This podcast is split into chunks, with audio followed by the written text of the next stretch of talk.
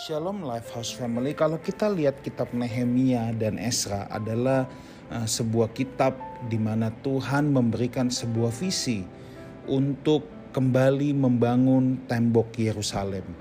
Dan ketika Nehemia ingin membangun tembok, ada begitu banyak tantangan, ada begitu banyak ancaman dari pihak lain tentunya yang tidak suka di antaranya dari Sanbalat, Tobia, dan Geshem orang Arab. Itu yang ditulis oleh Nehemia pasal yang ke-6. Nah, Nehemia pasal 6 ayat yang ke-9 berkata demikian, karena mereka semua mau menakut-nakutkan kami, pikirnya mereka akan membiarkan pekerjaan itu sehingga tak dapat selesai. Tetapi aku justru berusaha sekuat tenaga. Saudara ada satu pelajaran rohani yang kita mau ambil di sini semua visi dari Tuhan pasti mendatangkan tantangan. Ketika kita mau jadi pelaksana kehendak Tuhan di bumi ini, pasti kerajaan kegelapan tidak akan tinggal diam. Pasti kerajaan kegelapan akan berusaha menggagalkan. Nah, bagaimana cara menggagalkannya yang terbanyak adalah dengan cara mengintimidasi. Seperti tadi Nehemia itu kan dikatakan ditakut-takuti. Nah, ditakut-takuti itu kan artinya diintimidasi, saudara. Kenapa perlu diintimidasi? Supaya Nehemia tidak bisa menyelesaikan pekerjaannya, supaya Nehemia tidak bisa menyelesaikan visi yang Tuhan berikan untuk membangun kembali tembok Yerusalem. Dan ketika kita sedang melaksanakan tujuan-tujuan Tuhan, tantangan itu bisa datang saudara ya, dari dalam maupun dari luar.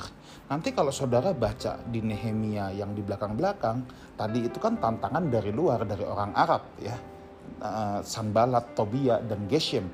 Tetapi nanti di bagian Nehemia, katakan pasal 9, pasal 10, saudara akan temukan bahwa dari dalam pun Nehemia mengalami tantangan di mana orang-orang Israel yang tidak hidup menurut hukum-hukum Tuhan.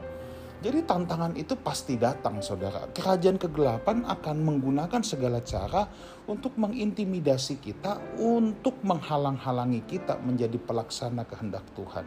Nah, dan Nehemia punya dua pilihan tentunya. Nehemia punya pilihan untuk mundur, stop, tidak lagi mau melakukan pekerjaan, atau Nehemia mau terus berusaha. Nah, tetapi Alkitab berkata justru ketika ada intimidasi itu, ketika ada tantangan itu, Alkitab berkata Nehemia bilang aku justru berusaha sekuat tenaga. Nah, inilah ciri-ciri pejuang, inilah ciri-ciri warrior, inilah ciri-ciri pahlawan-pahlawannya Tuhan. Ketika ada tantangan bukannya mundur tapi justru malah berusaha sekuat tenaga, fight back Saudara, kekristenan mula-mula bukan tanpa tantangan. Setelah Roh Kudus turun kepada para rasul, bukannya berarti tanpa tantangan. Tantangan semakin berat. Mereka dipenjara, mereka dikejar-kejar, mereka disiksa. Tetapi mereka justru fight back.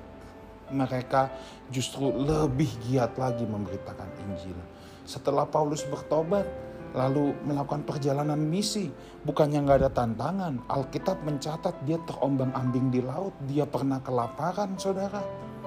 Dia tahu apa itu kekurangan. Dia tahu apa itu kedinginan. Jadi saudaraku, tantangan itu pasti ada ketika kita mau jadi pelaksana kehendak Tuhan. Tapi sekarang pilihan ada di tangan kita. Kita mau menyerah atau kita justru mau berusaha sekuat tenaga.